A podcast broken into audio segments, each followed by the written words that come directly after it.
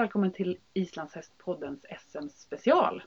Här på SM så samlas de bästa ryttarna i Sverige och en del av SM och slutklämmen på SM brukar vara att man tar ut landslaget. Och därför blev vi nyfikna på hur tar man ut ett landslag? Så vi har bjudit hit Agneta Rolf och Ann Fornstedt. Välkomna! Tack, tack! Tack! Ehm, ni är med i uttagningskommittén. Stämmer det? Stämmer alldeles utmärkt. Mm. Eh, Agneta, om man skulle presentera dig, hur skulle du beskriva dig själv? Jag har hållit på med hästar hela mitt liv och eh, sitter som landslagsledare nu också tillsammans med Sissel och Lars och med i UK eller uttagningskommittén då tillsammans med Ann Fornstedt, Christian Magnusson, Sissel Holmén och Lars af Klintberg. Så vi är fem stycken i uttagningskommittén. Och de senaste åren har väl jag mest faktiskt varit groom åt min dotter Matilda som har tävlat på fem mästerskap i rad. Så att jag har varit på mästerskap och haft en liten roll där men eh, nu är det en annan roll. Mm. Och Ann, hur skulle du beskriva dig själv? Ja, jag har väl hållit på med islandshästar hela mitt liv på, i alla möjliga olika roller. Jag är internationell fife-domare och jag är instruktör och eh, tränare och jag är också aktiv tävlingsryttare själv. Jag har försökt att räkna ut, jag tror att jag mm, har åtminstone suttit med i uttagningskommittén 15 gånger. Så att eh, jag har gjort det några gånger. Men det blir inte lättare för det utan det är lika svårt varje år. Precis. Vad, du nämnde vilka som var med i uttagningskommittén. Men vad är det som krävs för att man ska få vara med där? Vem är det som väljer en uttagningskommitté? Det är egentligen landslagsledningen som bestämmer vilka som ska vara med i uttagningskommittén. Ja. Eh, och då i det här året har vi valt att ha landslagsledningen, hela ledningen i uttagningskommittén. Men eftersom vi eh, också har egna respektive som skulle eventuellt kunna komma med så ville vi ha två utomstående till för att man ska ha så god kunskap som möjligt och Ann är ju väldigt, väldigt erfaren och Christian Magnusson var ju också, eller Stjauni all- allmänt kallad, var ju också med förra året så att de sitter på bra kunskaper och bra koll. Mm. Så då tyckte vi att det, de toppar vi upp laget med. Mm. Mm.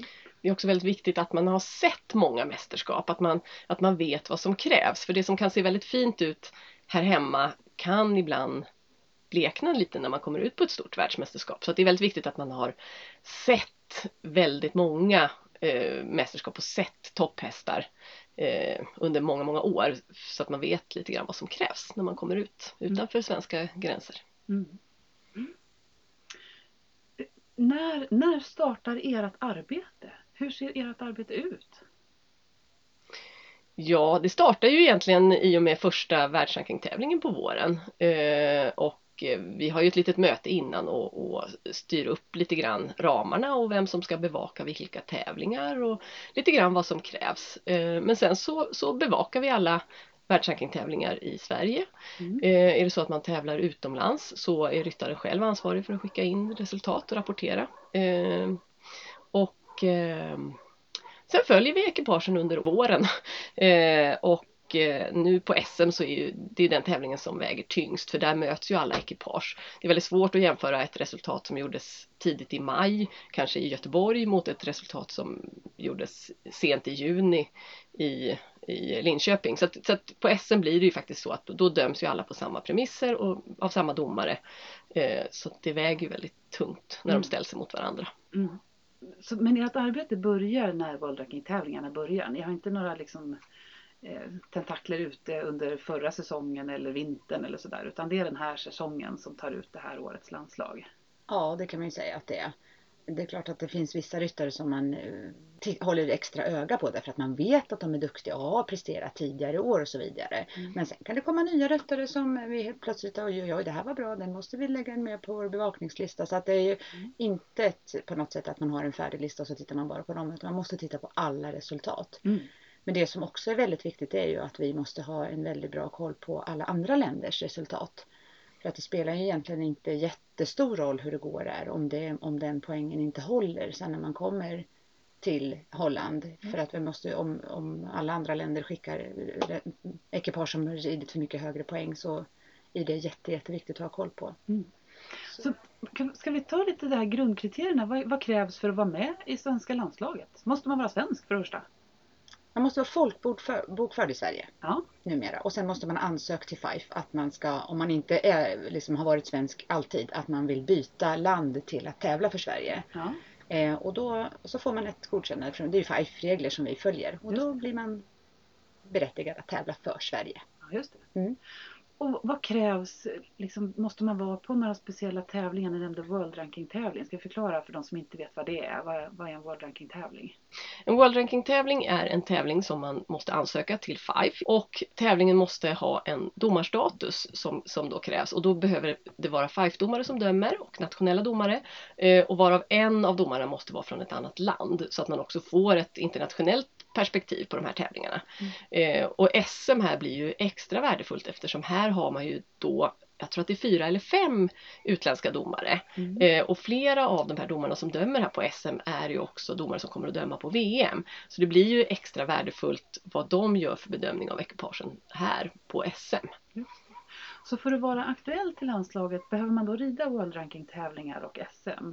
Ja, det är de resultaten som väger, eh, som, vi, som, vi, som vi tittar på egentligen. Ja. Sen det är klart om du gör en, en väldigt snabb passtid på en annan, en annan typ av tävling så är det klart att vi, den tiden finns ju där och den kan ju såklart vara, vara ett plus men det är ändå absolut eh, viktigast det man gör på världsrankingtävlingar. Vad krävs? Ni nämnde också att man, eh, man behövde ha ett internationellt perspektiv. Tänker man att de ryttare man skickar till ett VM att de ska ha medaljchans? Eller hur, vilken, vilken nivå måste man ha som ryttare för att komma med i landslaget jämfört med den internationella nivån? Man måste ju ha en hög nivå. Vi, I Sverige nu så har vi ju faktiskt väldigt hög nivå. Vi har väldigt många ryttare som rider på jättehöga poäng och internationellt hållbara poäng. Men målet är ju att ta så många medaljer som möjligt på mästerskapet. Det är liksom det som är grundkriteriet när vi tar ut laget. Och det innebär ju att man inte behöver vara rättvis mellan de olika grenarna. Det kan vara förhållandevis många ekipage från en gren och i en annan gren kanske man inte tar ett enda ekipage. Mm. För att det är medaljchans på VM som vi har som mål med Just. laget helt enkelt. Ett så starkt lag som möjligt och helst vill man ju då kanske bli bästa nation som vi har blivit två år i rad på både förra VM och på förra, eller senaste nu på Nordiska i Norge. Eh, men det är det som är grundkriteriet helt enkelt. Mm. Hur många platser finns det i laget? Det är sju fasta platser och sen är det en reservplats och i år kommer också reserven att få åka med ner till Holland. Eh, och sen så finns det ju redan, vi har två seniorvärldsmästare som har en, en eh, gratisplats så att säga till det här årets VM. Och seniorerna så är det ju Vigne Jonasson och Gudmund Einarsson som har varsin plats. Och de får egentligen åka med vilken häst de vill och rida vilken gren de vill. Det är det man får som förmån om man, om man är världsmästare. Och sen har vi också Pierre Sandsten Hoyos som Young Rider som också eh, har en gratisplats. Så att han får ju också åka då utöver laget. Eh, och Young Rider är fem eh, deltagare i laget som får åka. Och plus reserv precis och den kommer också få åka med. Okej. Så att då blir det alltså sju Young Riders och det blir då eh, 8-10 eh, seniorer som får åka ner till Holland i år. Just det. Och av de här platserna som finns så är det inte så att man måste skicka en fyrgångshäst, en femgångshäst och så vidare utan det är de som har de internationellt mest hållbara resultaten. Det är så man tänker. Ja, absolut. Det kan ju vara, skulle kunna vara så i teorin att man inte skickar till exempel någon femgångare alls utan bara passhästar eller bara tölthästar eller så vidare. Så nu blir det ju sällan så såklart. Men, men eh, det kan vara så att alla grenar inte är representerade och i vissa grenar så kan det vara flera ekipage som man skickar för att man tror att man kan faktiskt kan ta flera medaljer i en och samma gren. Mm. Men det får ju inte heller bli helt oproportionerligt för till slut så hamnar man i ett läge där man konkurrerar ut varandra. Mm. Så att det blir ju eh, i, i teorin skulle det kunna bli som en, men vi, vi provade ett år, det är många år sedan, eh, jag tror att det var 2001, eh, att skicka eh, i princip, jag tror att det bara var femgångshästar i laget. Men det blev faktiskt inte så bra för de konkurrerade ju ut varandra lite grann. Och på den tiden så var man också sidad i startlistorna så att eh, det var inte, de, de bästa fick liksom starta sist. Eh, och länderna då hade platser i startlistorna där man själva fick välja in sina ryttare. Vilket ledde till att jag tror de fem första, fyra eller fem första startande i femgång var svenska. Och inte för att det kanske spelar jättestor roll om man startar först eller sist men det blev ju ganska mycket missnöje eh, i, i laget och vem som skulle få starta först och sist. Så, där. så att, så att eh, det kanske inte var en helt toppen idé. Men just det året så var det faktiskt så att de som vann tölt och fyrgång de hade för låga poäng för att det skulle kunna räcka till att ta medalj på VM och, och ta, komma till final också. Det vet man ju inte såklart förrän, förrän efteråt men som det såg ut på pappret då jämfört med den internationella konkurrensen så, så var det ekipage som låg ganska långt efter de andra ländernas tölt och fyrgångshästar. Mm. Men hur har det sett ut på senare år? Har det varit ungefär jämnt fördelat mellan grenarna eller är Sverige lika bra i alla grenar eller är det någonstans där vi är bättre eller sämre? Historiskt sett så har ju faktiskt Sverige varit väldigt bra i passgrenar. Det, ska man, det kanske man ska lyfta upp som den, den gren, eller de grenar som Sverige faktiskt har varit starkast i. Mm. Men nu för tiden har vi ju jättefina ekipage i princip i alla grenar. Mm. Så att det är, liksom, både nivån och bredden har ju ökat jättemycket i Sverige de senaste åren. Mm. Så att det finns konkurrenskraftiga ekipage i, i alla grenar. Och i år är det ju så många så att några stjärnor kanske till och med måste få stanna hemma för att det är så få platser och så hög konkurrens så det kommer vara jättesvårt att ta ut det här laget. Mm. Jag som har varit med så många gånger kan ju nästan säga att det här är nog bland de svåraste åren att ta ut ett lag. Det är alltid svårt för att det är många som hänger på gränsen. Eh, som antingen kan halka in eller halka ut eh, nästan bara på grund av hundradelar eller hundradels sekunder hit eller dit. Eh, men i år är det så många som är så självklara. Om man rabblar upp dem på en lista så får man ihop ganska många självklara. Men vi har bara sju platser plus en reserv. Så att flera mm. av de här som man då upplever som självklara, de får faktiskt tyvärr inte åka med och det är ju väldigt sorgligt och tråkigt. Även fast det är ett lyxproblem att vi har så många bra. Mm. Mm. mm. Um, vi har pratat om prestationer, om att man måste vara duktig, man måste rida World Ranking-tävling för att kunna komma med. Men finns det någonting man, man kan råka ut för som kan exkludera en från laget? Alltså såklart måste man ju följa alla rules and regulations och de regler som finns för att vara ett, ett bra... För det är också så att man ska målet, huvudmålet är att ta medaljer på VM. Men vi ska också komma ihåg att våra landslagsryttare är också en av de viktigaste marknadsförarna av hela islandshästsporten. Mm. De måste vara väldigt goda förebilder för alla andra som ännu kanske inte har börjat rida islandshäst, för alla barnen och ungdomarna och alla andra som tittar på våran sport utifrån. Mm. Både för de som redan finns här men också utifrån. Så att man måste vara en jättebra förebild och det är jätteviktigt. Mm. Det väger vi också in i viss ja, utsträckning. Jag tänkte fråga, mm. väger det sånt man väger in när man tittar på ekipagen och väljer? Eller? Ja. Man ska ju ha gjort några ganska man kan inte bara ta det lite på känn vem som är extra trevlig eller inte utan man måste ju ha gjort något uppenbart brott mot FIPO att man har eh, varningar för osportsligt uppträdande till exempel eller att man har, har eh, varit eh, o, grov eller extra grov mot sin häst på något sätt att det är väldigt grov ridning som har resulterat i varningar och för, för, sådär. Eh, eller, eller, eller, andra saker, men, men, det måste vara något som är ganska allvarligt. Mm. mm. Eh, det, det, har ingenting att göra med, med ens personlighet om man är en kul kille eller inte utan, mm. utan det är prestationerna som räknas. Det, det ska vara ganska allvarliga mm. förseelser mm. som ska eh, göra att, att man blir utpetad från en lagplats. Mm. Fast men sen har vi också ett kontrakt som man får skriva på som att man ska sköta sig och man ska uppträda värdigt mot sponsorer och vad det gäller alkohol och hur man beter sig och så vidare. Så att det finns ju förpliktelser som kommer med att tacka mm. ja till en landslagsplats för det är fortfarande frivilligt. Så att såklart om du sen tackar ja till den här platsen som man blir erbjuden utifrån de här kriterierna och prestationerna mm. så måste man ju då också vara extra noga med mm. att man följer alla de här reglerna och beter sig mm. väldigt bra. Vilket de flesta såklart alltid gör. Precis. Mm. Eh, mm. De som kommer med till landslaget, mm. får de något ekonomiskt stöd? För det är ändå ganska dyrt att åka iväg och tävla på det här viset. Mm.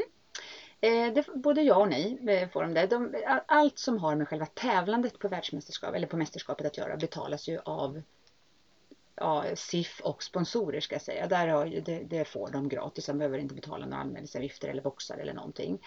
Eh, ibland, de kommer eventuellt också få en, en reseersättning men de ansvarar själva för att åka med sin häst till Holland. De får ombesörja resan själv. Mm. Men om pengarna, om vi får in tillräckligt mycket sponsorer så kommer de att få reseersättning. Mm. Eh, sen får de kläder. I år kommer de att få ganska mycket kläder faktiskt för vi har varit lite duktiga och jobbat med sponsring. Eh, de kommer att få viss ersättning för eh, mat på plats. Eh, de kommer att få bo ryttaren får boendet betalt men inte groomen eller hästskötaren, den får betala sitt eget boende. Ehm, ja, det är väl i princip de sakerna mm. som, så som den ekonomiska situationen ser ut. Mm. Är det vanligt att folk tackar nej till en lagsplats? Man blir erbjuden en plats och då har man valet att tacka ja eller nej. Inte till VM tror jag. Det Nej. är nog, Ja, det känns väldigt- satsar man på ett VM så, ovanligt. så, Ja. så det jag tror att det är de flestas absolut högsta Ja. dröm att få rida ett VM. Så det tror jag nästan ja, in, inte att någon har tackat nej bara för att de inte vill åka. Det, det är ju såklart om hästar blir skadade, ryttare blir skadade eller sjuka. Då kanske man måste tacka nej. Men jag tror att ingen gör det liksom att man väljer bort en plats. Till nordiska eh, kan det vara någon gång att någon, någon avstår.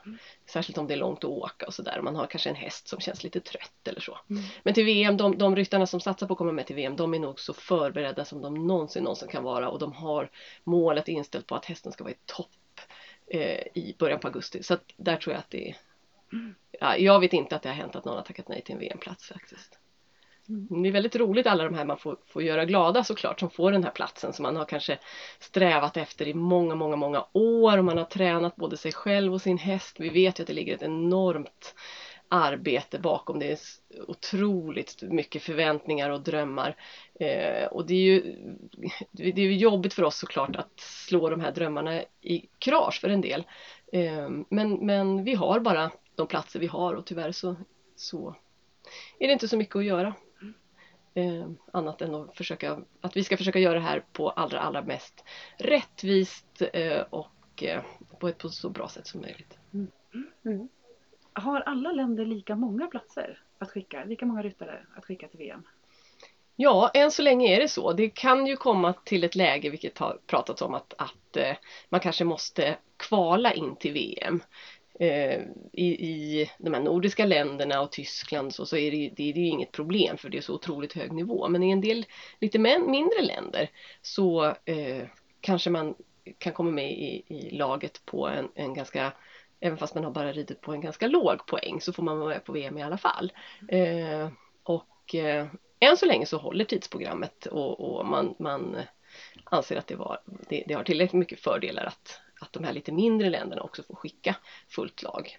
Men eh, vi vet inte hur det ser ut i framtiden. Det viktas inte så att, att alltså is, länder Mm. som har många islandshästar, en stor Mm. eh, förening får fler platser och mindre länder får färre platser. Alla har lika många Det är helt platser. rätt, rättvist. Så att Men alla har. Ja. alla länder skickar ju inte fullt lag. Nej, alltså det det. finns ju vissa länder som kanske bara skickar ett par, tre, fyra ekipage eller Mm. två, en eller två. Alltså så att alla skickar inte för att man har inte så många. Men man har ju rätt att göra det. Man vill. Till exempel USA brukar ju bara, det är så otroligt dyrt, det kostar ju hundratusentals kronor att, att Mm. flyga över en häst till Kalifornien, eh, över till Europa.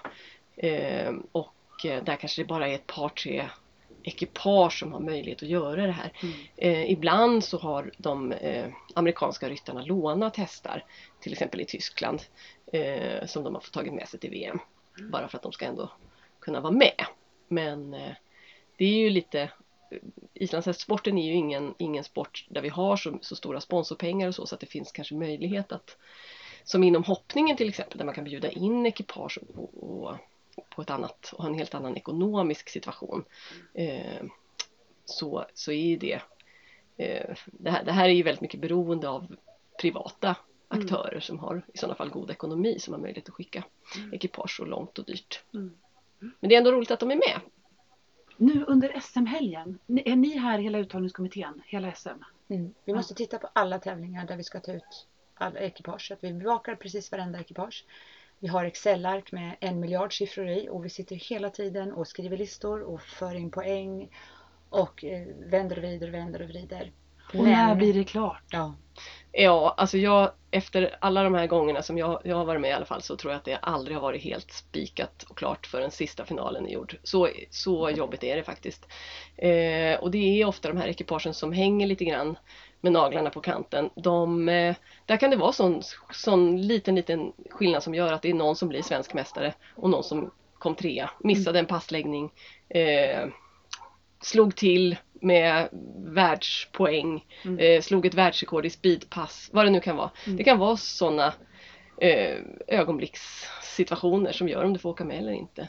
För det, det är klart att det är några som är väldigt, väldigt stabila på en väldigt hög nivå och ligger väldigt, har en väldigt, väldigt bra plats. Och vi har ju listor hela tiden som vi uppdaterar och uppdaterar och uppdaterar. Och det kan vara någon som, som rider bort sig fullständigt och åker ut och sen kan det vara någon helt ny som, som poppar upp och slår Mm. till och gör, gör eh, årsbästa. För vi tittar ju inte bara på det, det är inte bara så att vi tittar på alla siffror och sen så räknar ut exakt eh, på pappret vem det är som har gjort vad eh, under, på alla prestationer de har gjort under året utan det är ju också, vi tittar ju också på hur formkurvan ser ut. Om det är någon som har gjort bra resultat tidigt i maj kanske men som bara har gått lägre och lägre och lägre och sen så rider på inte ens kanske kommer till final på SM då, då, då är det ju väldigt svårt för den att ta sig med i ett lag till skillnad från någon som kanske har gjort lite lägre under säsongen men sen kommer och slår till här på SM. Mm. Så kan den ha kanske en god chans att komma med. Och när kommer laget att annonseras? Direkt efter sista finalen på söndag. Om vi är färdiga. Ja. Vilket vi hoppas såklart att vi är. Man kanske får vänta någon minut på det sista där. Just. Men direkt efter sista finalen så ska Ja. vi försöka vara klara med alltihopa. Och berätta hur det går till. Det brukar läsas upp alla ryttarna i turordning. Eh, och med en, med en kort motivering varför det, just det ekipaget har blivit uttaget. Så det finns anledning för vår publik att stanna kvar här på söndag eftermiddag sent. Och Absolut. lyssna och applådera. Mm. Och bita på naglarna. Yes. Mm. Eh, stort tack för att ni kom hit. Eh, lycka till med arbetet här under de sista dagarna. Eh, och eh, vi på Islandshästpodden önskar laget lycka till på VM. Tusen tack! Tack, tack!